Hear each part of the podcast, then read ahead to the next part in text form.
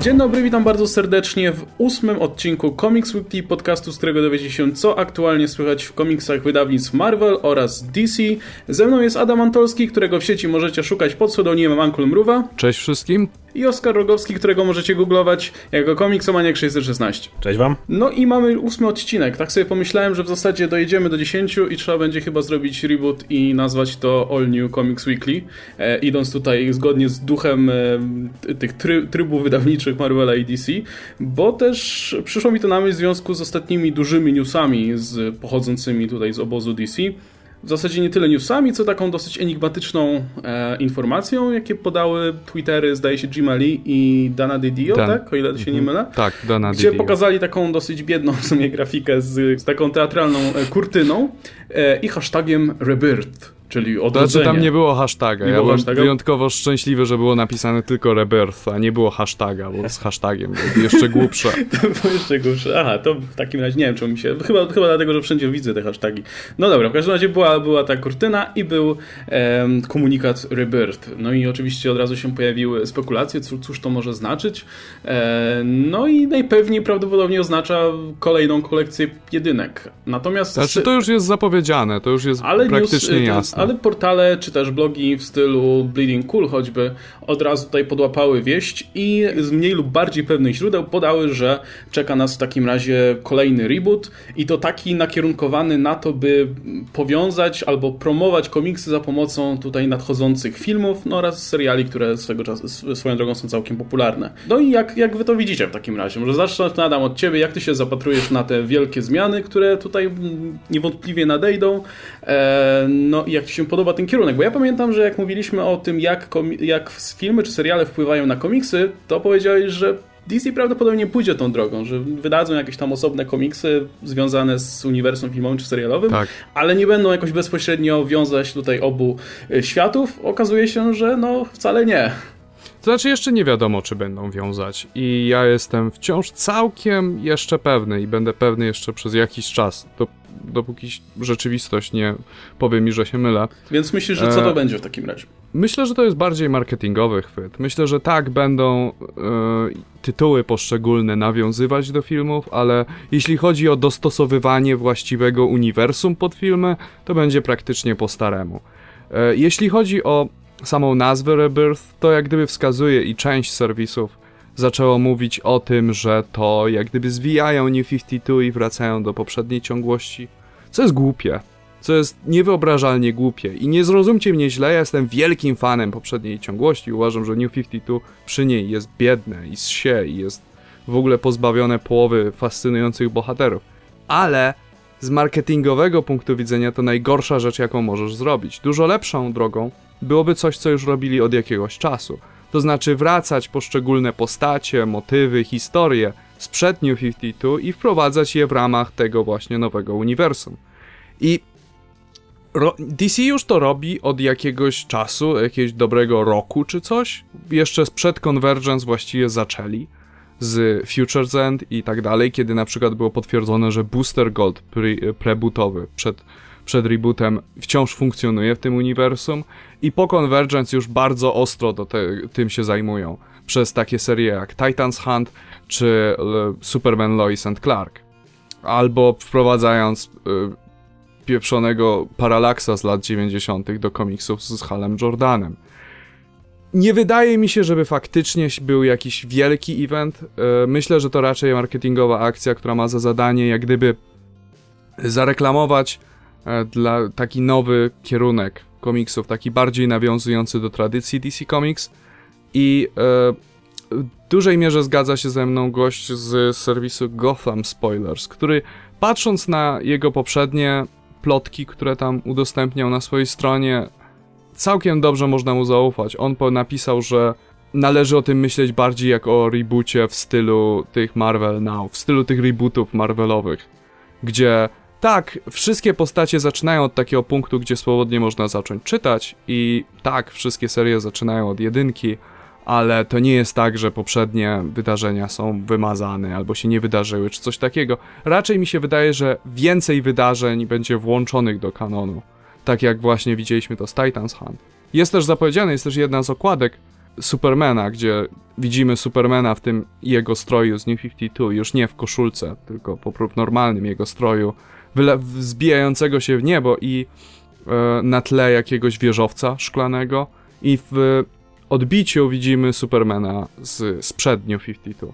Więc widzimy, że e, będą starać się dokonać jakiejś fuzji, ale raczej nie będą tego robić w ramach e, kompletnego rebootu wszystkiego. Po prostu będą starać się stare rzeczy zainkorporować do, do nowego świata nie dał się ukryć, że przyda im się w każdym razie taka inicjatywa z tymi jedynkami i tak jakby nową, nowym kierunkiem, biorąc pod uwagę, że powiedzmy no, te ostatnie zeszyty się tak sobie sprzedają.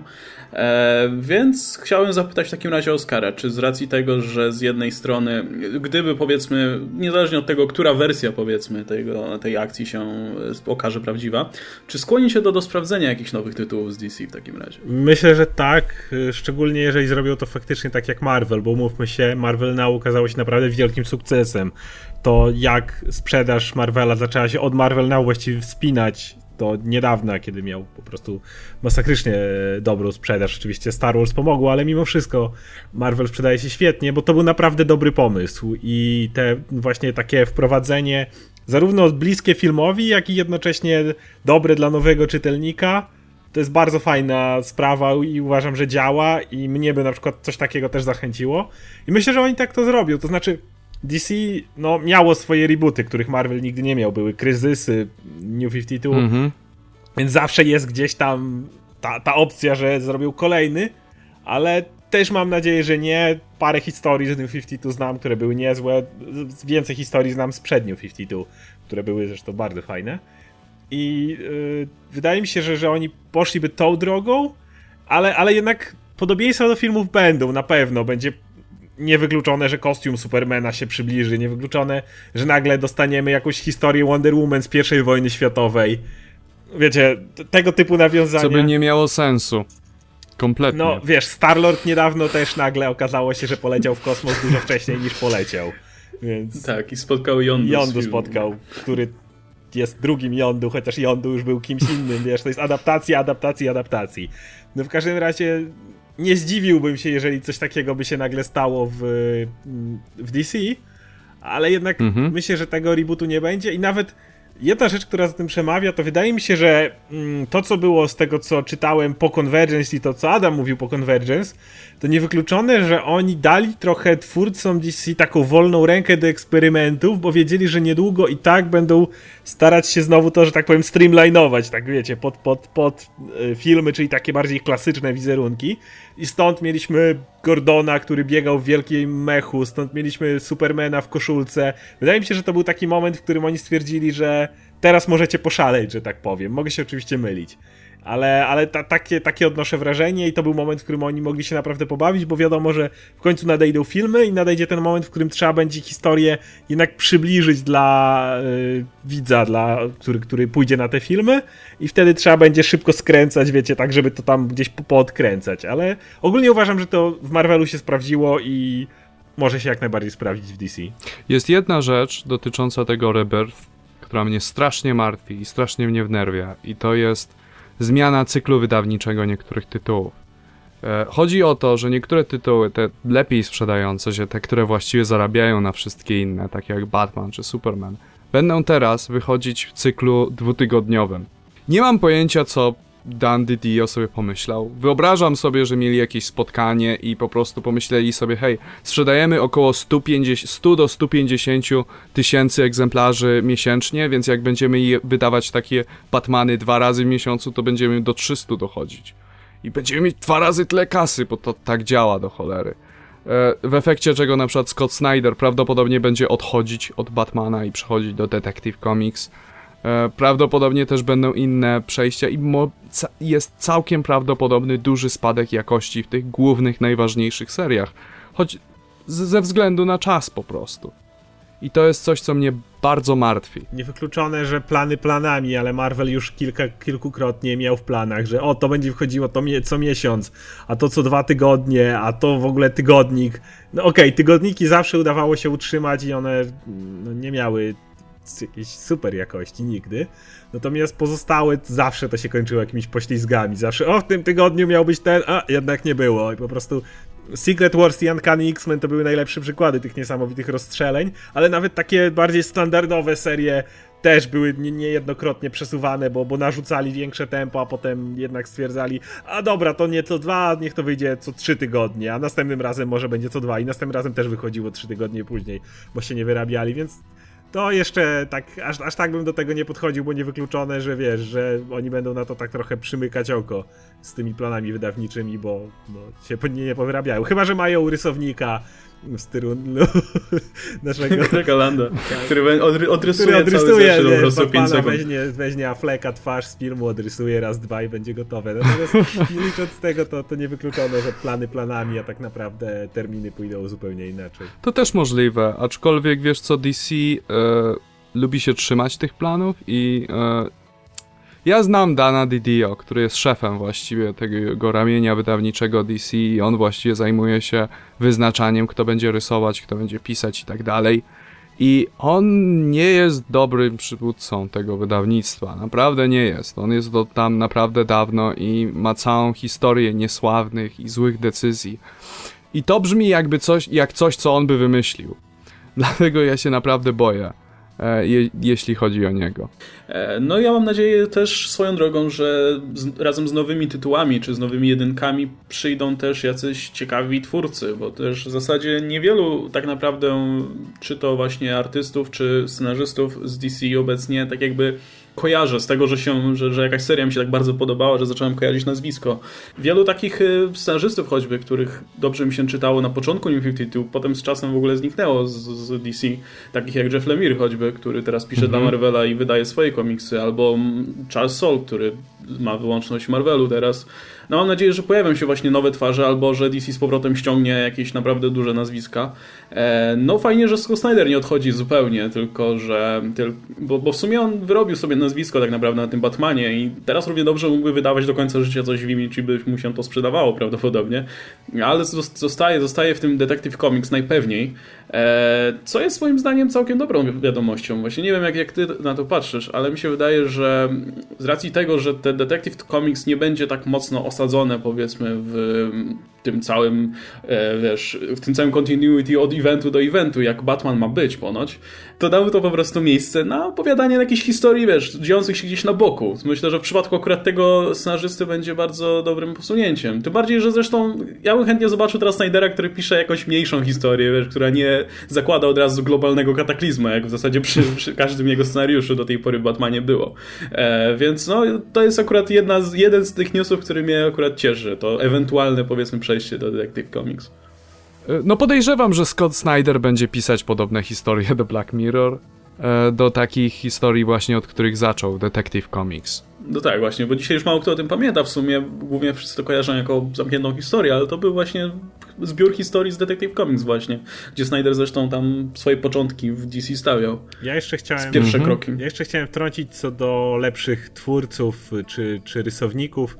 Wydaje mi się, że wbrew pozorom tutaj może bardzo na tym zaważyć to, jak zostaną odebrane filmy, bo wydaje mi się, że jakby w przypadku Marvela było podobnie, że filmy okazały się wielkim sukcesem i było wiadomo, że to podniesie sprzedaż komiksów, więc automatycznie można było trochę też zainwestować i tak mówisz chociażby Charles Soule, który ma teraz wyłączność tam.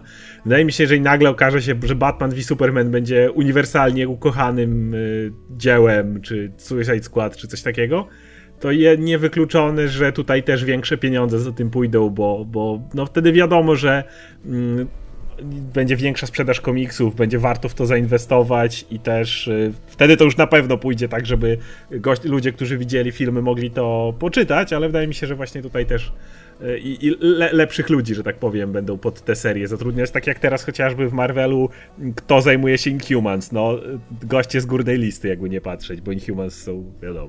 No ja mam nadzieję, że Suicide Squad choćby trafi w ręce kogoś, kto Myślę, że to jest tak właściwie pewne, jeżeli film... Bo, no jakiś, jakiś Tom King czy ktoś, bo, bo próbowałem czytać jakąkolwiek z tych inkarnacji po New, po New 52, no to nie dało się za cholerę. Więc no, mam nadzieję. E, to chyba tyle, jeśli chodzi o te newsy. Chyba, że jeszcze coś się ciekawego zdarzyło. Jeszcze a propos artystów, ja chciałbym powiedzieć, że ja bym bardzo był szczęśliwy, e, gdyby DC zatrudniło nowych kolorystów i czuję się trochę niepewnie mówiąc o tym, bo to nie jest do końca moja działka, ale widać wyraźną różnicę w jakości, jeśli chodzi o coloring w komiksach, pomiędzy wszystkim, co było przed New 52 i wszystkimi jedynkami. Wystarczy sięgnąć po Green Arrow'a tuż przed Flashpointem i tuż po. I różnica w jakości jest miażdżąca, gdzie w, przed... Nie pamiętam nazwisk w tej chwili, bo to naprawdę kolorystów śledzę najmniej, ale to jest tak gigantyczny problem, że mi to przeszkadza, gdzie w... miałeś takie wielopoziomowe kolory, cieniowanie zaawansowane i cała, cała strona była tak pięknie wymalowana. Wcześniej, teraz masz po prostu jednolite kolory, jakieś badziewne airbrushe Photoshopem nawalone. Wydaje mi się, że tutaj, za, tutaj DC zaoszczędziło i to ostro wpłynęło na graficzny wygląd komiksów. Też przeszli do Marvela i Swoją drogą będziemy mówić dzisiaj o jedynce z razem z tą dwójką na pokładzie, e, a tymczasem jeszcze jeden news, który tutaj e, rozgrzał e, internet w którymś momencie, mianowicie pewne poszlaki wskazujące na tym, że wskazujące na to, że w, głównym przeciwnikiem najprawdopodobniej dla Ligi Sprawiedliwości będzie Darkseid, bo pojawiła się grafika z z znakiem Omega. Zaraz wyjaśnię. E, ku zaskoczeniu kompletnie nikogo, bo pamiętam, że to było jedno z naszych głównych podejrzeń tutaj w podcaście. No muszą uderzyć e, z grubej rury od samego mocnego. początku. Ci mają Thanosa, muszą... co by innego uderzyć. No bo... No właśnie muszą wyprzedzić, bo Thanos do tej pory miał tylko gościnne występy, więc muszą wyprzedzić trochę, chociaż nie wiem, czy dadzą radę będzie trochę głupie zacząć, będą dwa filmy konkurować ze sobą, jeden będzie mieć Thanosa, drugi Darkseida. Szkoda, że Apokalips pod uwagę, już tak teraz, bardzo są... to też byłoby no, dobre. Prawda? No, Apokalipsa. Żeby no, był w tym samym roku, to byłoby fajne.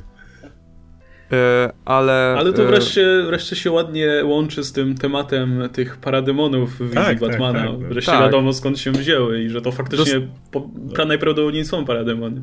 Dostaliśmy plakat, w którym widzimy tego Batmana w stroju pustynnym, który pojawił się też w zwiastunie, który patrzy na miasto, które jest kompletnie zniszczone, taki e, Fallout albo, nie wiem, przedmieścia w Łodzi i e, przed nim jest pustynia i na tej pustyni, na piasku ktoś bardzo ładnie wygrawerował znaczek Omega, który jest charakterystycznym znakiem Darkseida.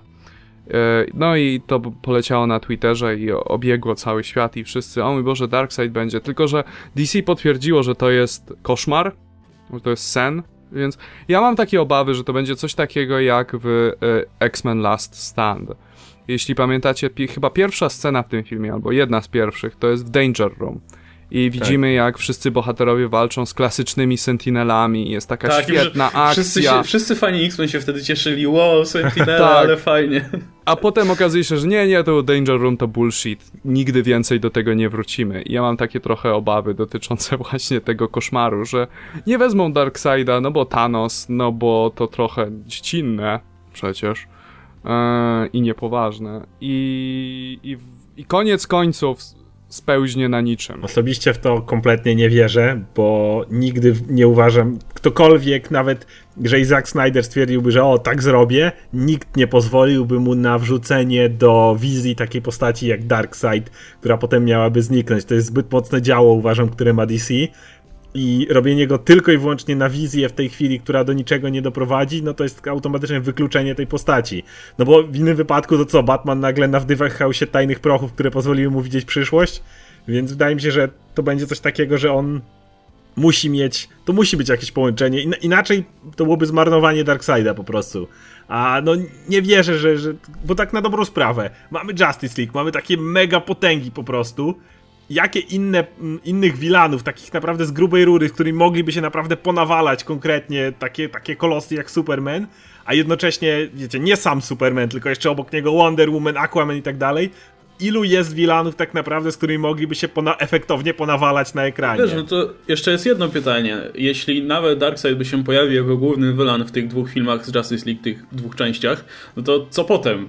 Bo, bo tak jakby podejrzewam, że, że, że ta marka się na tym nie skończy. Będzie, będzie kolejny film jakiś z Justice League. No i ko, kto wtedy będzie przeciwnikiem? No nie, nie możesz, nie możesz z Darkseida przejść do na przykład, nie wiem, Felixa Fausta. No, no nie, no, nie wiem. Kogoś takiego. No jest Antymonitor albo ktoś, ale no nic więcej. Trigon. O, wiem, że to było duże zagrożenie. Trigon. Y, ale on jest bardziej y, złoczyńcą y, Tytanów. Którzy będą mieć serial, więc to będzie Nie, nie będą, już chyba anulowano. Nie będą mieć. Anulo... O, szkoda. Że nic, nic, nic tam nie będzie. Nie, nie jest łatwo być fanem Tytanów dzisiaj. Ale wydaje nie mi się, jest. że jednak pójdą w tą stronę. Wydaje mi się, że to będzie w jakiś sposób, nie wiem, czy pod wpływem amazońskich czarów, czy czegokolwiek innego, ale Batman będzie miał jakąś wizję i to ona nie będzie kompletnie nieuzasadniona, to będzie faktycznie przyszłość. W ogóle jeszcze, nie wiem czy widzieliście najnowszy spot do Batman v Superman, gdzie gada e, Batman z e, Alfredem. Bardzo fajna naprawdę, taka, taka naprawdę Batman style i tutaj jeszcze bardziej doceniam to, jak Affleck jest fajnym Bruce'em Wayne'em, a raczej Batmanem, bo nie ma tu maski, ale, ale zachowuje się jako Batman, kiedy mówi mu, że że już wojna, że ten, on przyniósł nam wojnę, że chcesz mi mówić o poświęceniach, a tutaj tysiące zginęły w Metropolis i że y, ten gościu jest w stanie rozwalić całą planetę, jeżeli wierzymy, że chociaż to jest, mamy 1% szansy, chociaż, że to jest realne, powinniśmy to brać jako absolutną pewność i się na to przygotować. No to jest takie, takie tak Batmanowe po prostu, wydaje mi się, że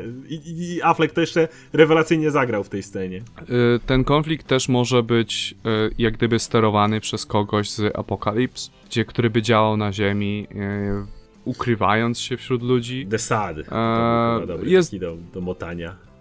Nie, ale jeśli na przykład pamiętasz Final Crisis, Final Crisis był taki motyw na samym początku, że wszyscy ci nowi bogowie z Apokalips ukrywali się na ziemi, po prostu jako ludzie, przejmując ich ciała. E, I myślę, że mogliby to spokojnie zaadaptować do filmu, e, gdzie by po prostu działał z tyłu i by na przykład manipulował Luthorem. E, nie, bo musieli wprowadzić całe uniwersum nowych bogów do Nie sądzę, że jest na to w tej uniwersum. chwili czas tutaj. Już mamy mieć cameo Aquamana, podobno gdzieś ma tam pojawić się Victor Stone, jeszcze nie Cyborg. Mm, oczywiście Wonder Woman ma walczyć ramię w ramię, jeszcze na to dorzucać nowych bogów. Myślę, że to widz nie wiedziałby, co się dzieje. Wiesz, co to może jeszcze być? Zatana, albo, y, jakiej, albo magiczna istota z uniwersum DC tą wizję wprowadzi w umysł Batmana. To byłoby niezłe, patrząc na telepata. to, że Doctor Strange w tym roku wychodzi i oni, jak wiadomo, nie chcą być plecy, no to wywalicie magię, to my też damy magię, ale ja myślę, że oni zrobią to w sprytny sposób. Nie wyjaśnią, co to jest, a później, w zależności od y, różnych sukcesów, różnych prognoz, y, ja jestem prawie przekonany, że oni tak, mają, tak jak Marvel często robił, że mają powiedzmy 3 czy 4 scenariusze, co to jest. I potem wiecie, w zależności od różnych prognoz, to się potem rozwija w daną stronę, więc o tutaj zainteresowanie doktorem Strange'em jest duże i tak dalej. No to była Zatana i tak naprawdę ona potem mówi, że to ja wywołałam tą wizję w filmie numer 3 czy 4. A jeśli nie, no to nie wiem, specjalne, to byli nowi bogowie na przykład i tak dalej, i tak dalej. To, ktoś może powiedzieć, że to jest tanie, ale Marvel wbrew pozorom robi to bardzo często, tylko po prostu nie zdajemy sobie z tego sprawy, ale naprawdę jak obejrzycie pojedyncze filmy, to często jest coś, co nie jest wytłumaczone, a potem w drugim filmie to jest tłumaczone i myślimy, a no jasne, planowali to od początku. Jestem praktycznie przekonany, że mieli... Yy, 3-4 wyjścia awaryjne. Tak jak się mówi, że mieli nawet do Civil War dwa scenariusze, ze Spider-Man i bez, w zależności od tego, jak deal Sony by się ułożył. Więc myślę, że tutaj oni w tym filmie się nie dowiemy, dlaczego, skąd ten koszmar tak bezpośrednio. Nie, nie będziemy mieli idealnej przyczyny, mhm. ale myślę, że oni tak sobie to zostawiają na taką furtkę, że tak powiem. Wiesz, jest zawsze szansa, że po prostu robią ferment teraz i, i starają się jak najbardziej zainteresować tutaj wszystkich śledzących te newsy, a w filmie okaże się, że to zostaje zepchnięte w ogóle na boczny tor e, do czasu, aż powiedzmy wyjdzie Justice League i, już. Albo może w każdym filmie kolejnym będzie coś w tym stylu, e, coś wiesz, w rodzaju elementu, który będzie łączył te wszystkie filmy, aż do, dojdziemy do Justice League i Darkseida we własnej osobie. Nie jestem pewien, ale wydaje mi się, że Zack Snyder, ale mogę się mylić, bo to mogła być plotka, bo te, tyle tego jest. Powiedział, że na końcu filmu zobaczymy początek Justice League. Czyli zobaczymy bohaterów stojących powiedzmy u boku. Nie, ale wiecie, równie dobrze mógł mówić o świętej trójcy DC tylko i wyłącznie i mówić jako, że to jest start Justice League, a równie albo mógł mówić o tym, że tam Aquaman nagle, czy ktoś się jeszcze obok nich pojawi.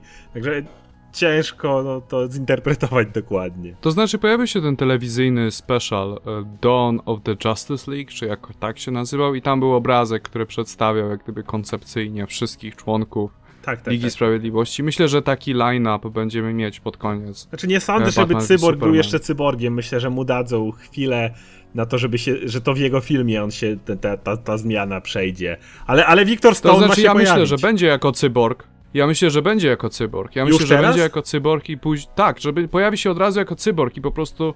Nie wiem, na przykład może być tak, że Batman będzie go kojarzyć wcześniej, jako Wiktora. Faktycznie, Stone'a Batman jest już tak trochę później. coś- Może znać Aquamana też, nie? No. Flasha.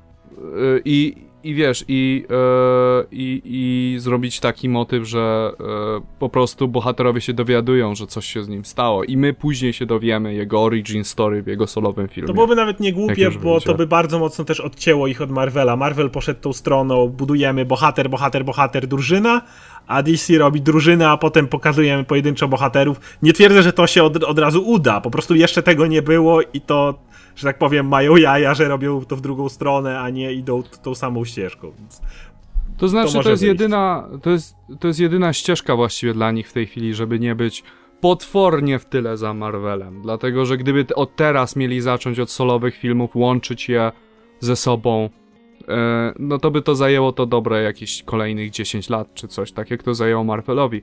Podczas gdy DC ma pewną pewność siebie, którego której Marvel nie miał.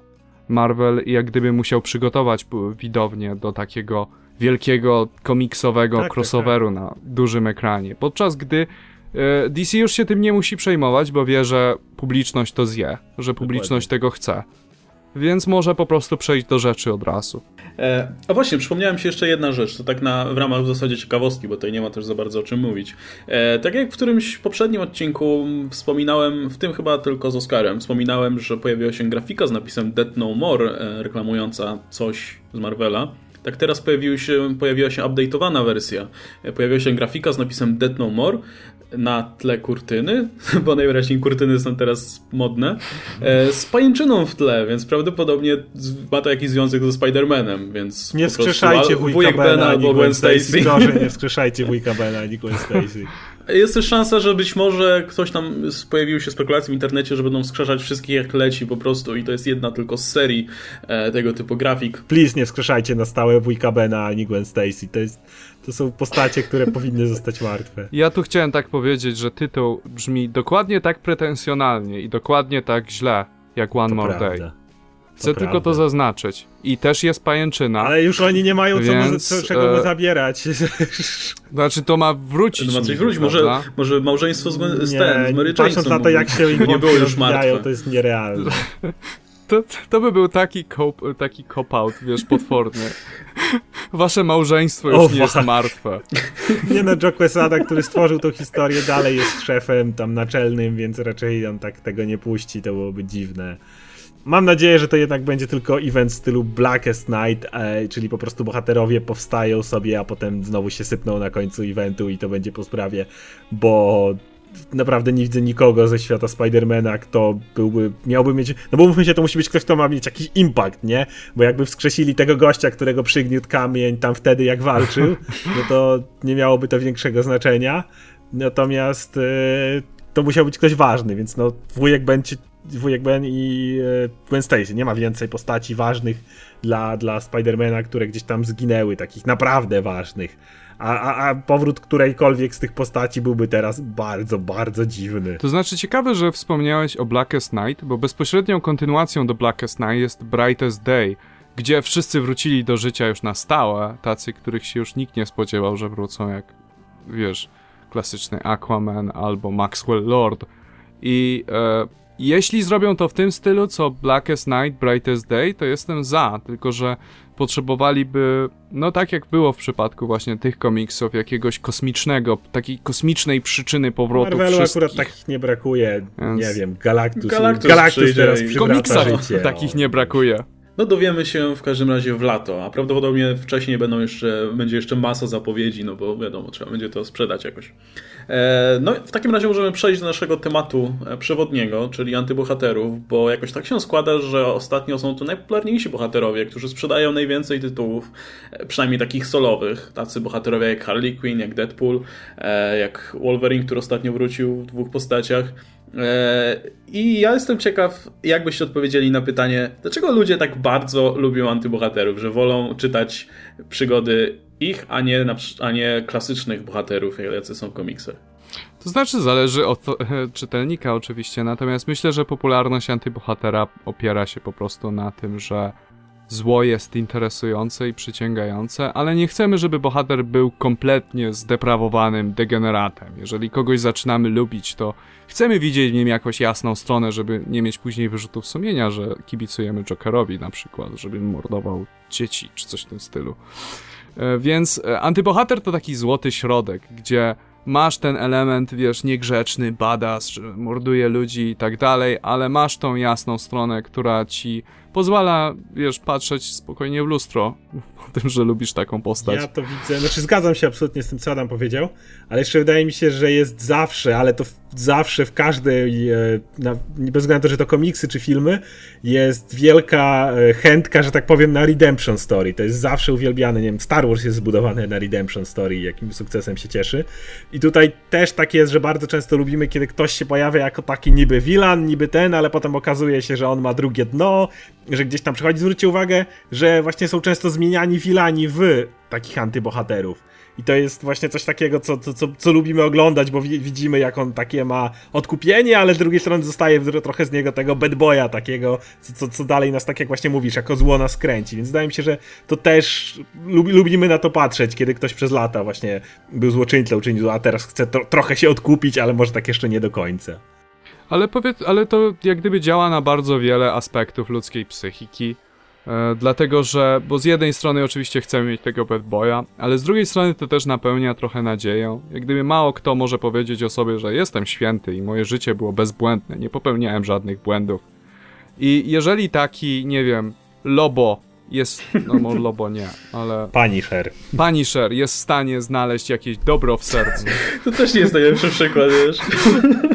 Okej, okay, ale ej, załóżmy dla ten, to znaczy, że wiesz, to napełnia jak gdyby trochę nadzieją że wiesz, że świat nie jest taki beznadziejny, jak nam się wydaje za Kiedy na przykład widzimy, że ktoś jest takim właśnie paniszerem, czy innym tam super twardym najemnikiem i morduje, ale ma jakiś tam ten kod honorowy na przykład, czy, czy coś w tym rodzaju.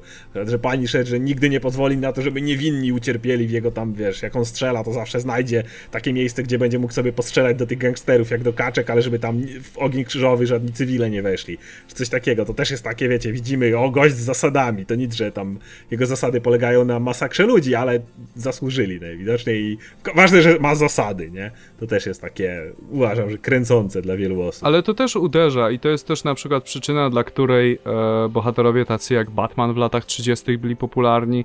Taka potrzeba natychmiastowej, ulicznej sprawiedliwości dla ludzi takich naprawdę zdeprawowanych i złych. I kogo byś wysłał na kogoś, kto jest zdeprawowany i zły? Kogoś, kto jest równie zdeprawowany i zły i e, to jak gdyby spełnia takie po, wie, poczucie właśnie sprawiedliwości. W przypadku Punishera to na pewno Punisherze on dokładnie powstał gdzie z tego powodu, widzimy, w latach 70. Tak, gdzie widzimy zło, widzimy zło i to zło jest brutalnie mordowane i czujemy wewnętrznie jakąś satysfakcję z tego, bo ci ludzie akurat na to zasłużyli. To jest oczywiście lekka hipokryzja, jeśli się nad tym zastanowisz odrobinę, ale nikt na tym nie myśli. W latach 70., jeżeli się nie mylę, kiedy powstał Punisher, to bliżej 80., chyba, chyba końcówka 70., e, był taki moment, że właśnie w Stanach Zjednoczonych na wielu dzielnicach była dosłownie taka społeczna apatia i wiele osób uważało, że no już z przestępczością nie da się nic zrobić. I było bardzo głośno o tym, kiedy jeden człowiek po prostu zastrzelił e, gościu chciał obrabować wagon metra, a tam ludzi pod y, spluwą trzymał i w pewnym momencie inny człowiek wyciągnął broń i po prostu zastrzelił y, przestępcę i wręcz twórcy Marvela przyznali się i o tym było po prostu strasznie głośno i, i nie było potępienia, ale właśnie pewne zachwalenie, że, że on się postawił.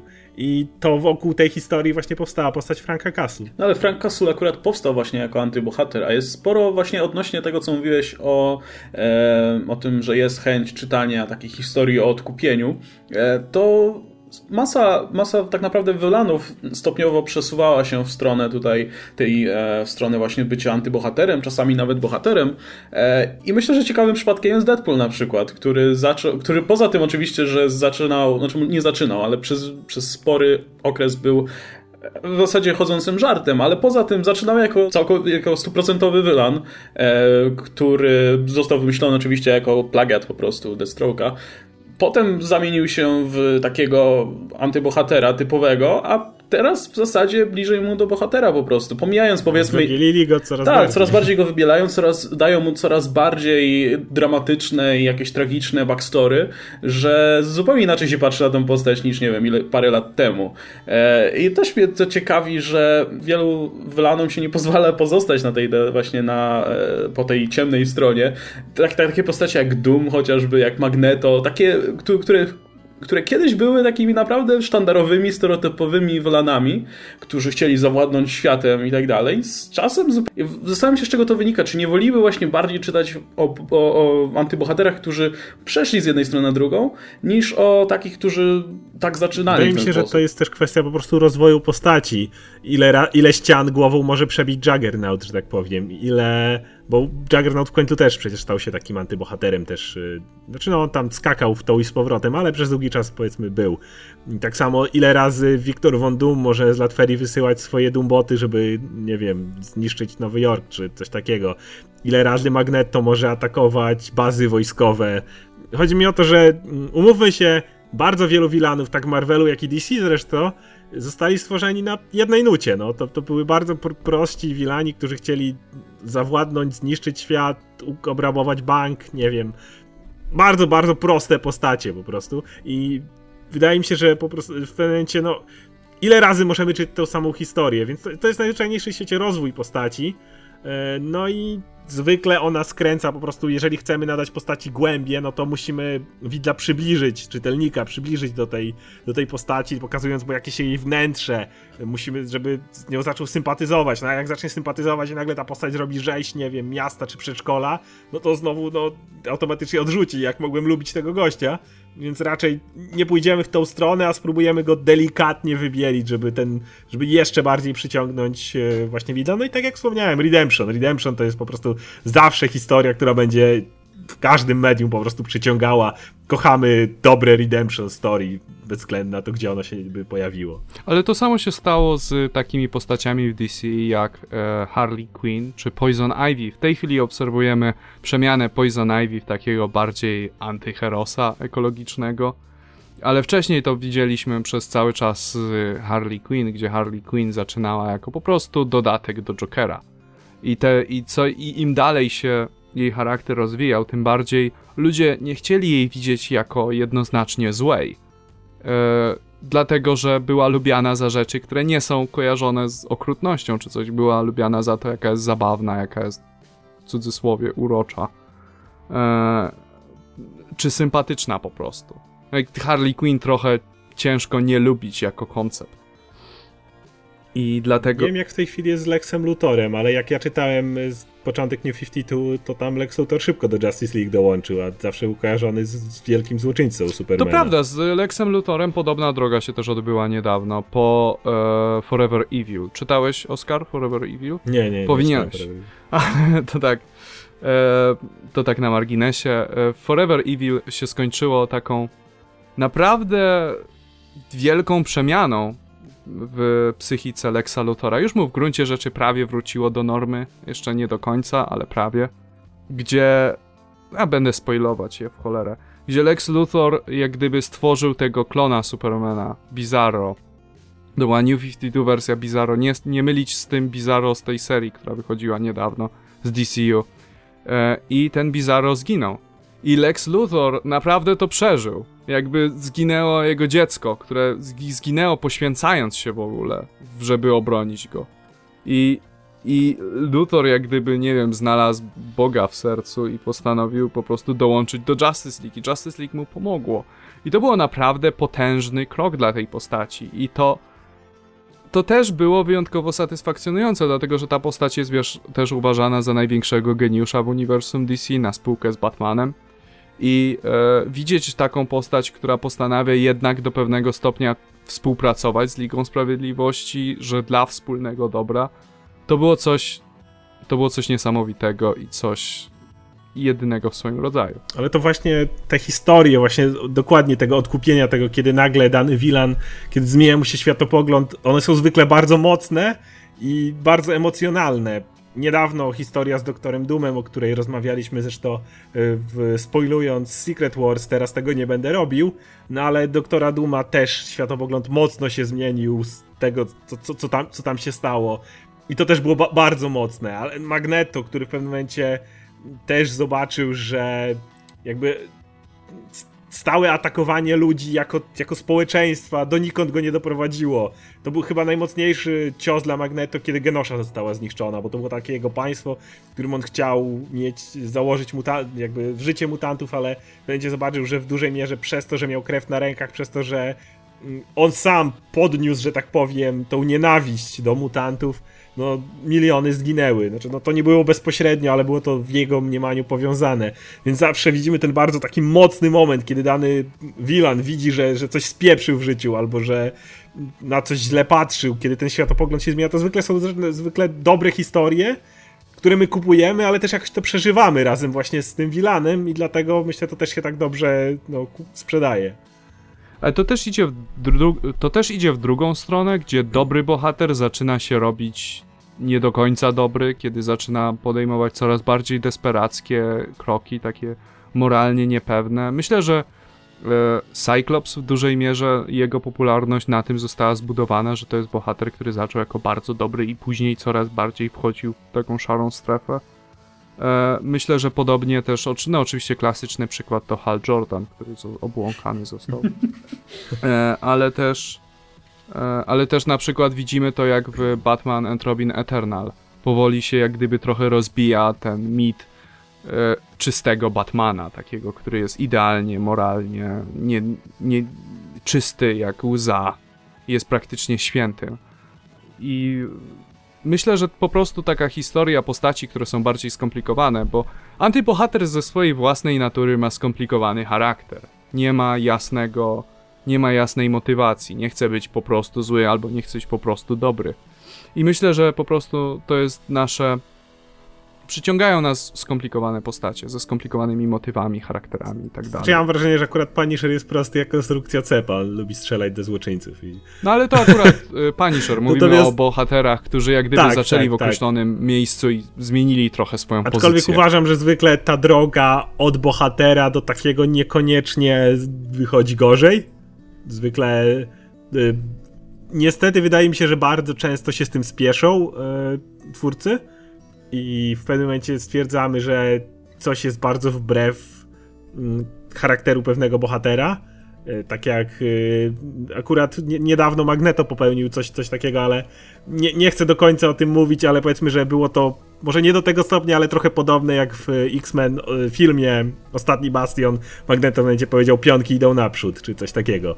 W każdym razie, no, uważam, że czasami zbyt się z tym spieszą, zbyt szybko chcą zrobić historię, w której dany bohater jest zły i to nie wychodzi na dobre. Z Cyclopsem właśnie uważam, że było tak, że kiedy zaczęto go przesuwać tą szarą strefę, to jakby ze wszystkich stron nam mówili, że on robi złe rzeczy, ale jakby w komiksie on nie robił za wiele tych złych rzeczy tak naprawdę, on właściwie to nic tam nie robił. Ale właśnie mi się wydaje, że akurat w tym przypadku to tak miało wyglądać. W sensie ale nie, ale na końcu, a potem się okazało, że zrobił coś, a, teraz dowiadujemy się, że zrobił coś e, złego tak, tak, poza kadrem. Ale nie, tam akurat to moim zdaniem było fajnie rozegrane, w sensie, bo miałeś dwie te serie, które się skupiały na, na właśnie na, na Cyclopsie, miałeś All New X-Men, gdzie słyszałeś same złe rzeczy o Cyclopsie, czego to on nie robi, a potem miałeś Uncanny X-Men, gdzie było pokazane, że oni po prostu robią to, co zwykle, no, łapią tam jakichś młodych mutantów i ich ratują. Po czym w nowej Więc serii Cyclops robi coś strasznie złego poza kadrem. tak. Nie wiemy co. Ale to swoją drogą, tak, to potem, potem wiesz, potem nagle się okazuje, że o, Cyclops zrobił coś bardzo złego i teraz już nie żyje. To, to, to, to tak swoją drogą, nie? Ale myślę, że czasami, kiedy bohater zostaje popchnięty bardzo szybko tutaj w objęcia tutaj mroczniejszego charakteru i, i w ogóle tego, tego bycia wylanym, to czasami gra. Na przykład wydaje mi się, że w przypadku Makera to całkiem spoko zagrało, bo, bo tak jakby ten młody Reed Richards z świata Ultimate, on od początku był trochę niestabilny emocjonalnie i ogólnie miał trochę pod górkę. I w momencie, kiedy coś w nim pęka i staje się takim, wiesz, bardzo hardkorowym e, charakterem, to w tym przypadku zagrało. Także myślę, że to tam nie ma reguły w stosunku co do tego. Ale no wiadomo, no w komiksach zazwyczaj jest tak, że, że można sobie pozwolić na dłuższy rozwój jakiejś postaci i to faktycznie wielu autorów z tego na tym korzysta. Dzięki temu dostajemy takie bardzo fajne przemiany, jak chociażby Magneto, który za rano Chrisa, Chrisa Claremonta przeszedł z tej e, z bycia tym sztandarowym wylanem do, do bycia całkiem interesującą postacią. Teraz widzimy to w serii Iron Man, chociaż był Doktora Duma i nowy Doktor Doom jest rewelacyjnie pisany. Póki co no, ta seria jest rewelacyjna, ale ten Doktor Doom jest niesamowicie interesujący po prostu.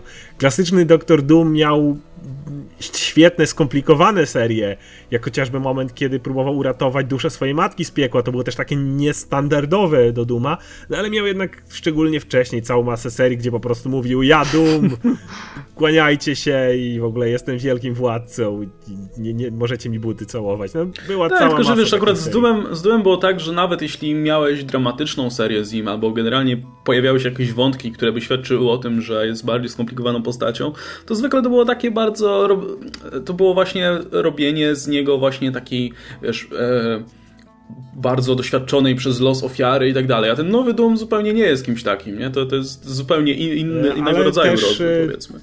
Fajnie jest czasami postawić e, kogoś w innych butach, e, co pokazał bardzo marny event, ale z bardzo fajnymi dynami, czyli już ma Axis, nie chcę teraz dużo o tym mówić, bo wspominaliśmy o tym parę odcinków temu, ale tam też zobaczyliśmy, jak pewnych wilanów przerzucono na bardzo szybko w e, stronę bohaterów za pomocą dosłownie magicznego zaklęcia, ale to też była, bardzo fajnie jest zobaczyć czasem właśnie ten inne oblicze jakiejś, jakiejś postaci i były z kolei seria, którą drugą stronę zadziałała, była o Iron Manie i znowu Tony Stark jako chciwy biznesmen też to było chyba 5 czy, czy 7 numerów, ale i sprzedał się dobrze, miał bardzo duże recenzje, uważam, że zasłużone, bo to też nas często interesuje, jakby jakbyśmy chcieli zobaczyć, co by było, gdyby ten bohater dalej był tym, kim jest, ale używał swoich umiejętności, mocy czy swojego geniuszu do trochę innych celów. Zresztą tak, bo takim jest lustrzanym odbicie właśnie Maker Dorida, o którym wspomniałeś. W takim razie prześledźmy sobie, jak wygląda obecnie, powiedzmy, w jakiś tam sposób sytuacja najpopularniejszych antybohaterów w obu uniwersach. Ja bym chciał zacząć od zeszytu, który wyszedł dzisiaj, czyli od e, Old Man Logan. E, To, o czym wspominałem, Jeff Lemire i Andrea Sorrentino, czyli taki Dream Team na pokładzie. E, I można by pomyśleć, że może Logan nie jest najlepszym przykładem, bo jest to postać, która też od dawna trochę zmieniła swój sposób postępowania i bliżej było na przestrzeni lat już do bohatera niż do takiego antybohatera, e, który się kieruje instynktem i nie boi, nie boi się pobrudzić sobie rąk krwią.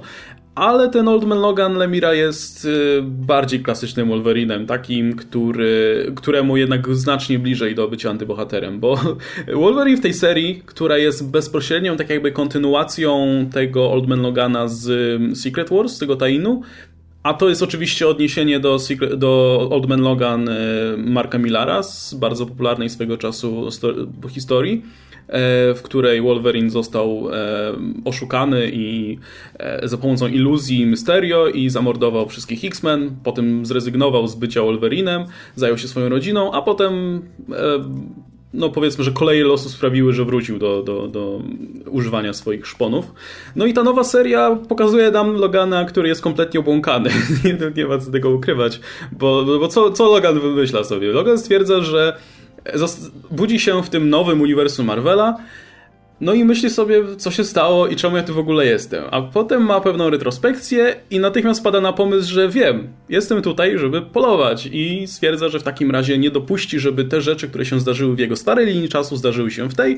No i wyrusza na polowanie, żeby ubić innymi właśnie Mysterio albo, e, albo Hulka. Więc w następnym zeszycie będziemy mieli starcie z Hulkiem, tyle że nowym Hulkiem, tym e, Am- Amadeusa Cho. E, No a swoją drogą seria jest całkiem ciekawa, jest bardzo brutalna, więc, więc myślę, że fani tego klasycznego Old Man Logana się tutaj będą czuli jak w domu. No i jest oczywiście pięknie zilustrowana po Sorrentino. E, No i cie- pokazuje dosyć ciekawego Logana, tyle że jest tutaj pewien problem, który się pojawia przy wielu seriach ostatnio, że Logan z tego, z tego, z tego zeszytu jest tak jakby kimś innym niż ten Logan, którego mamy na przykład w Extraordinary X-Men, gdzie już jest tak jakby bardziej ukształtowany i trochę bardziej cywilizowany, więc e, można się trochę pogubić w tym. E, Oskar, jak tobie się podobało? To znaczy, jedna rzecz, która mi bardzo zgrzytnęła w tej serii, i to jest o tyle dziwne, że zarówno to, jak i Extraordinary X-Men pisze Jeff Lemire, jedno i drugie, jeżeli się nie mylę, to straszny zgrzyt fabularny, bo w Extraordinary X-Men, jeżeli dobrze rozumiem, zostało ustalone, że on pochodzi z przyszłości, ale to zupełnie inna przyszłość, tutaj ona się już, już jakby ten punkt minął, już, już to, to tak nie pójdzie. I to, okej, okay, to kupiliśmy, to było coś tam Secret Wars, wiadomo, jakieś zamieszania światów, nie ma problemu. Ale w tym numerze, nie dość, że on stwierdza, że to jeszcze się nie wydarzyło, bo patrzy na rok i stwierdza, że o nie, Wilani tam się zbiorą dopiero za dwa czy tam trzy lata, nie? I to, to już jest dziwne, bo z jednej strony on twierdził, że nie zna przyszłości, ale tam widzieliśmy na jednym kadrze zamordowanego sama Wilsona, kapitana Amerykę. Więc to jest jednak ten świat, ale nie ten świat, nie. To... No tak, tak, bo ta nowa seria się opiera na tym, że to się faktycznie może wydarzyć, tak, tak jest nam powiedziane. Mimo, I fakt, w Extraordinary X-Men z kolei było powiedziane, że nie, to już się nie wydarzy, bo, bo historia się zmieniła, więc fakt. Więc trochę Jeff Lemire sam sobie zaprzeczył, ale ale jest szansa, że po prostu Loganowi pomieszało się w głowie i mam nadzieję, że tak to wytłumaczone zostanie, bo to ma sens. On ewidentnie nie jest zrównoważony. To jest tyle dobre, że ta postać, ten Black Butcher, ja nigdy o nim nie słyszałem, bo oni go stworzyli na potrzeby tej historii. Nie mam pojęcia, też o nim nigdy wcześniej nie to słyszałem. prawdopodobnie on się da... pojawia nagle w retrospekcji. Tak, więc prawdopodobnie dali Wilana, którego Logan mógł szybko odstrzelić, a dopiero potem, żeby ruszyć na polowanie z nawet, konkretnymi wiesz, nawet jeśli, nawet jeśli istniał, to prawdopodobnie jest to jakiś wiesz, delister. Gdzieś tam zupełnie. się pojawił w zbieraninie jakiejś pewnie, czy coś takiego. Że no, Logan go szybciutko odstrzelił, bo, bo mu przeszkadzał w przyszłości, więc no gościu jest ewidentnie niezrównoważony i, i, i, i szaleje i mam nadzieję, że zostanie to tak wyjaśnione, że on e, to by jeszcze fajnie uderzyło w ten mroczny ton tej, tej serii, nie? Że on nagle zaczyna, nie, przestaje odróżniać, co jest prawdą, a co nie. Nagle zacznie myśleć, że może to jednak w przyszłości to może nie był banner, może to jednak Czogo skrzywdził. Wiesz, jeżeli nagle mu zaczną nachodzić te y, wspomnienia tych światów i okaże się, że ten Kapitan Ameryka, którego on widział jest dlatego, że on jest w tym świecie, ale to mu kompletnie robi mędli w głowie. No i to by trochę pasowało do tego umęczonego Logana, który przy okazji rzuca się na lewo i prawo, wiesz, z pazurami na wszystkich. Natomiast jeśli spróbują to iść, że tak powiem, logicznie, to ta seria myślę, że dużo straci, bo zacznie mieć jakieś dziwne dziury fabularne. Natomiast pierwszy, pierwszy odcinek jako taka trochę taka wiecie, dziwna, taka mroczniejsza mm, opowieść o, o, o psychopacie, bo może w sumie on nim niedługo się stanie, wyszła no naprawdę nieźle. To w takim razie, żeby tutaj powiązać jakoś przeskok do kolejnego bohatera, to zajmijmy się inną, bardzo popularną kiedyś postacią, która zresztą pierwotnie powstała jako jedna z parodii Wolverina, czyli Lobo. E, co nowego u Lobo? Czy dalej nienawidzimy Lobo? Eee, to znaczy nie wiem, zależy jak byłeś bardzo otwarty w momencie, kiedy się Lobo zaczynał, bo bardzo wielu fanów od razu odrzuciło Lobo natychmiast, kiedy się zaczął od pierwszego zeszytu. Wszyscy wiemy dlaczego. Pierwszy zeszyt praktycznie był wielkim pluciem w twarz fanów stary, no starego tak. Lobo. Nowy, nowy, nowy Lobo zamordował dosyć po prostu bezproblemowo starego tak. i stwierdził, że ten stary był e, pozorantem i nie był prawdziwym Lobo. On jest prawdziwym Lobo, więc sorry, ale mamy teraz nowego Lobo. Tak, i zamordował go i zapominamy o tym, nigdy już więcej do tego nie wracamy. Okazuje się, że nie tylko to, co stary Lobo nie tylko jego twierdzenie, że zabił całą Czernię było nieprawdą, ale i wszystko, co on o Czerni wiedział, czy mówił do tej pory przez lata, że wszystko było nieprawdą. I jak gdyby to jest reboot całego Lobo, kompletnie. Całego jego backstory, całego świata i tak dalej. Czyli ta pani, co pisała jego pamiętnik, również się nie wydarzyła. Y, portret mm. Benkarta była ta historia i, i tam było, okazało się, że była jeszcze jedna czarnianka, która pisała tam jego historię i no tak, to jest, się nie okay. wydarzyło. Po, portret Benkarta jest niekanoniczny, przykro no, nam. Szkoda. e, I to, co, to z Lobo, z klasycznym, co jest kanoniczne, to są jego albo urojenia, albo jego kłamstwa, które opowiadał przy piwie ludziom, żeby się chwalić i żeby kraść miano nowego Lobo. Więc bardzo, bardzo słabo to sobie zagrało DC. E, no ale mamy tego nowego Lobo, musimy jakoś z nim żyć. E, pisze go Kalen Ban. On pisze też Sinestro i on był też autorem świetnego komiksu e, o Magneto, jeśli dobrze tak, pamiętam. Więc to jest i teraz pisze Ankani. I Draxa, który jest również antybohaterem, ale no, do niego ma, może przejdziemy Ma rękę do antybohaterów. Mm, tak. I ja miałem bardzo wysokie oczekiwania do jego Sinestro. Jeszcze może, jeszcze może zdążymy coś o Sinestro powiedzieć. Zdążymy, e, zdążymy. Jeśli chodzi o e, Lobo, to jest kompletnie inna postać. Kompletnie. I e, ja uważam, że jest trochę banalna, gdzie poprzedni Lobo miał taki niuans, że był przerażającym żartem. jak e, jesteś, jak jesteś na, po, nie wiem, po 20 piwach czy coś w barze i ktoś zaczyna opowiadać takie dowcipy i wszyscy wiedzą, że te dowcipy są okropne, najgorsze z możliwych, ale wszyscy się śmieją. I to jest dla mnie zawsze był taki lobo, taki żart, który jest przerażający. I e, przez to miał to taki niuans, był ciekawy. Obecny Lobo jest gościem, który e, no, jest torturowany przez swoją przeszłość, e, który przeżywa swój dramat, cały czas wraca do swojego dramatu, jak to zginęła Czernia. No i równocześnie stara się być, e, stara się być najemnikiem, mordować ludzi za pieniądze i trzyma się swoich zasad, ma twarde zasady. Taki trochę paniszer kosmiczny. Myślę, że ten taki Deathstroke bardziej chyba. Albo kosmiczny. bardziej Death, Znaczy w ogóle ja mam problem z tą serią, ja też próbowałem ją czytać, znaczy próbowałem, no przeczytałem nawet parę zeszytów, nie były złe, ale problem z nowym Lobo jest taki, nawet, nawet nie dotyczy tego, jak pozbyto się starego Lobo i że tak jakby zupełnie wyalienowano z fanów starego, ale problem jest taki, że ta seria jest strasznie na poważnie. I wiesz, ja, ja zawsze widziałem Loba jako właśnie taką parodię takich, wiesz, ekstremalnych bohaterów, w zasadzie antybohaterów. E, taki, no, żart w zasadzie. I myślałem, że być może w tym kierunku pójdą z nowym Lobo, który na początku wyglądał też trochę jak taka parodia, wiesz, takich e, e, złoczyńców, którzy są wymuskani i zawsze pewni siebie i, i myślałem, że w tym kierunku to pójdzie, ale nie, to jest pisane zupełnie na 100% poważnie, co, co moim zdaniem strasznie psuje zabawę, no nawet gdyby ktoś tutaj chciał poznać dobrze tego nowego Lobo, no to, to nie ma kompletnie właśnie nic wspólnego z tym starym, więc... No właśnie ja się, ja chciałem się zabrać za tego nowego Lobo, bo słyszałem, że się zmienił i sama zmiana mi nie przeszkadzała. Akurat starego Lobo trochę czytałem i ja uważałem, że stary Lobo faktycznie był żartem, ale może żartem, który się już trochę skończył, bo on był przede wszystkim bardzo fajnie pasował w latach 90 kiedy wszyscy wyglądali jak, wiecie, góry mięśni, trochę nawet karykaturalne, ale to samo było w, w kinie. Oglądało się, wiecie, Schwarzeneggera, wtedy też e, oglądało się Stallona, oglądało się, nie wiem, Jean-Claude Van Damme i Lowo ich parodiował. E, wydaje mi się, że w tym momencie trochę inaczej wyglądają bohaterowie kina akcji i miałem nadzieję, że nowy Lobo będzie właśnie parodią tego, co teraz się dzieje. Wyszło parę numerów, ale zanim po nie sięgnąłem, dowiedziałem się, że nie jest i ostatecznie po to nie sięgnąłem, bo stwierdziłem, że to trochę już trochę zabija sens Lobo, który właśnie parodiował e, jakby taki stereotyp e, twardziela obecnego gwiazdora kina akcji. Tak się przynajmniej zawsze wydawało. Jeśli potrafisz to sobie wyobrazić, to wygląda tak, jakby stary Lobo był trochę parodią obecnego. Jakby wyobraź sobie, żeby Lobo nie był parodią, gdyby go, wiesz, unormalnić, wszystko uśrednić, wszystko, wiesz, zrobić tak w miarę wiarygodnie, to to jest nowy Lobo. I to kompletnie, wiesz, mija się z jakimikolwiek założeniami tej postaci, czy też założeniami tych komiksów, które wszyscy tak uwielbiają. Jest nudny trochę, szczerze powiem. Jak czytałem jak czytałem pierwsze cztery zeszyty, to czytałem naprawdę w ciężkim bólu, bo to nudne przede wszystkim. Bardziej już mi się podobał ten nowy Lobo, jak się pojawiał najpierw, zanim dostał własną serię, jak się pojawiał w Supergirl, to tam jeszcze nie było wiadomo o co do końca chodzi i był jeszcze ten element trochę bardziej taki, nie wiem, zabawny. A teraz jest po prostu 100% trauma, przeżycia, wiesz. Jak go pierwszy raz zobaczyłem, w ogóle to miałem, miałem wrażenie, że on będzie parodią też takich, nie wiem, może tych bardziej, bo on wygląda młodziej.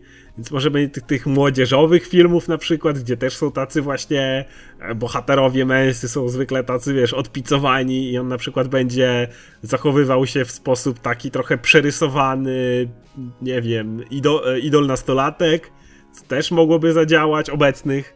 Ale no, jeżeli ostateczny Lobo, który nie jest zabawny, to trochę nie jest Lobo. A z tematem Lobo jest powiązany jeszcze inny antybohater, albo Wylan, albo nie wiadomo, e, u którego Lobo ostatnio pracował, tak się ładnie składa, który, który na usługach właśnie tej postaci e, mordował inne latarnie, e, czyli Sinestro, którego też, tak jak wspominałeś, pisze Kalenban i którego seria, jak wspominałeś, mi swego czasu nie jest zbyt dobra. Znaczy, nie chcę mówić, że jest beznadziejna, bo nie jest. Jest o, bardzo przeciętna. Zaczęła się bardzo silnie, gdzie dostajemy nowego złoczyńcę, do, dowiadujemy się trochę o Sinestro i później poszło w takie wielkie nic, gdzie Sinestro po prostu e, knuje, bo on cały czas knuje i układa jakieś super skomplikowane plany, jak pokonać tego wielkiego złoczyńcę, a przy okazji jak zawładnąć galaktyką, bo to jest... Bo jeśli to jest antybohater, to to jest kosmiczny Hitler, który awansował do kosmicznego generała Franco, czyli nie aż tak źle, ale wiesz. I e, wiesz, teraz przykładał, bo to jest jego, jego złoczyńca, to jest The Paling, to jest taka sekta międzygalaktyczna, która chce zniszczyć wszelkie emocje. E, no i oczywiście Sinestro nie może na to pozwolić, no bo on dowodzi strachem, a strach też jest emocją, więc nie ma mowy. I on z nimi walczy. I on działa tak. Yy, jedyne, co jest ciekawe w tym komiksie, i myślę, że to się, ka, to się Kalenowi Banowi udało całkiem dobrze. Yy, dla niego wszystko jest partią szachów. On o wszystkim myśli 3-4 ruchy do przodu i cały czas coś knuje, cały czas coś planuje, zawsze ma jakąś alternatywną opcję. Jak to nie wyjdzie, to zrobię to, jak to wyjdzie, to. I to mu się udało całkiem dobrze e, gdzie na przykład e, taki gdzie na przykład teraz za e, Manhunterów zaangażował. Nie wiem, czy wiecie, kim są Manhunterowie. Chodzi o te maszyny, Nie mieli z Manhunter. To ci te, chodzi okay. te maszyny, które kiedyś tak, tak używali tak, tak, strażnicy. E, strażnicy Galaktyki, z, zanim wymyślili zielone latarnie i zainkorporował ich, ale nie używa ich jako armii, tylko używa ich jako siły rekrutacyjnej. To znaczy, przez cały komik, w ogóle spoiler trochę dałem, ale key. E, przez cały komiks jest nam sugerowane, że będzie to armia i Sinestro ich użyje do walki, ale ostatecznie on ich wysuwa do walki i oni wystrzeliwują z rąk pierścienie, które wylatują na ziemię i masę ludzi znajdują. I natychmiast, natychmiastowa rekrutacja. Cały czas y, Sinestro jest w ten sposób innowacyjny i to się w tej serii udało. Co się nie udało, to stworzenie jakiegoś jednego nie wiem, jakiegoś takiego jednego rdzenia historii, który by cię ciągnął i cały czas chciałbyś, żebyś, żeby wracać, bo cały czas ta seria takie robi meandry dookoła tych Paling i nic z nimi właściwie nie robi. Niewiele o nich się dowiadujesz aż do samego finału. I ważnym też wątkiem jest też coś, co moim zdaniem nie prowadzi do niczego jeszcze ważnego. Być może się odpłaci później, ale jeszcze nie wiemy i to jest jej wielki plan Sinestro polegający na mordowaniu wszystkich innych latarni i używa do tego Lobo. I na przykład z e, niebieskich latarni został tylko Sandwalker, który dostał pranie mózgu od Sinestro i teraz działa na usługach Sinestro. E, z Indigo Tribe jest tylko jedna przeżyła, Indigo One. Z czerw czerwone latarnie, które są całym zespołem superbohaterów, wszystkich Lobo wybił, a później w, w zmar zmartwychwstali. To jest naprawdę temat na inny, na inny podcast, bo to jest tak kuriozalne. Kiedyś o tym pogadamy na pewno. W wielkim skrócie zostali wyżygani przez jakąś swoją magiczną istotę. E, I tak, jak gdyby to jest trochę taka seria, której musisz siedzieć dosyć głęboko w uniwersum DC, żeby wiedzieć, co się dzieje i musisz mieć bardzo specyficzny gust, żeby coś z tego wyciągnąć. E, skoro jesteśmy przy Kaleniebanie jeszcze i antybohaterach, to fajnie, chciałem wspomnieć o serii Drax, właściwie nie serii, bo dopiero trzy zeszyty wyszły, którą Kalen Ban pisze na spółkę z, uwaga, CM Punkiem. I jest to naprawdę zadziwiająco dobra seria i ona jest właśnie pewnego rodzaju parodią e, takiego antybohatera twardziela, ale nie dlatego, że sam Drax zachowuje się w taki sposób, tylko jakby okoliczności, w jakich on zostaje postawiony. Wiecie, Drax to jest prosty chłop, on chce pomachać swoimi sztyletami, pozabijać tam, kto mu wejdzie pod nóż i najlepiej zabić Thanosa, jak tylko będzie miał okazję. Mm, no i sytuacja wygląda tak, że on spada na taką planetę, jakieś zadupie totalne kosmosu, bo Rocket mu dał statek, który ledwo lata i on się nim rozbił. I on idzie do miasta, chce sobie naprawić statek. I to jest takie, wiecie, Drax nie ma w tym komiksie jakby żadnych jakichś emocji, nie przyjmuje, o rozbiłem się, idę do miasta. Ja mam wszystko w dupie generalnie, to jest, to jest Drax. No i dowiaduje się, że w mieście, no, porywają ludzi, w ogóle domy rozbierają na części, w ogóle co się dzieje, no i Drax próbuje znaleźć winnych. I on ich szuka przez dwa odcinki, ponieważ nie jest najlepszym detektywem, to nie Batman, tylko on to bierze ludzi, krzyczy na nich i każe im mówić, gdzie są inni ludzie. No i no, niestety to mu też to dobre nie wychodzi, ale seria jest właśnie pisana w taki bardzo fajny sposób, bo macie gościa, który szybko chciałby łapać za noże i kosić po prostu wszystkiego. Jak tylko ma okazję, to jest tak szczęśliwy, że może wreszcie rozpróć komuś flaki i jest sens życia. No ale niestety co chwila musi tutaj jakieś, nie wiem, robić bardzo ambitne rzeczy i nagle e, ktoś mu mówi, ej, zostaw jednego żywcem z tych, co przychodzą i go przesłuchasz. O, kurde, nie wpadłem na to. na, na, tej zasadzie. Szukać seria jest bardzo zabawna. Pojawia się że to Terax, który też jest był takim bardziej wilanem, ale w pewnym też trochę antybohaterem, który w ogóle stracił sens swego życia i się teraz zapija gdzieś tam w barze i, i tylko cały czas chodzi i przytula Draxa, bo, bo, bo, bo czemu nie? Ale znowu, Kalen ma naprawdę fa fajne dialogi i to jest seria z kolei, której nie trzeba nic wiedzieć, bo Drax, musicie wiedzieć, że jest Drax i że on jest Guardians of the Galaxy i rozbił się na jakiejś planecie i tyle. I nic więcej nie trzeba wiedzieć. I póki co trzy zeszyty są naprawdę dobre, właśnie myślałem, że no, o czym będzie Draxu, że może jakaś zrobił totalną jadkę coś takiego, ale właśnie jak samodzielnie poradziłby sobie gość, który no ma serce po dobrej stronie, ale poza nawalaniem ludzi po czachach to za wiele nie potrafi. I myślę, że to, to jest naprawdę niezły pomysł i Banowi to wychodzi. A propos właśnie członków Guardians w swoich seriach, czytałeś może pierwszy zeszyt y, Rocket Raccoon and Groot?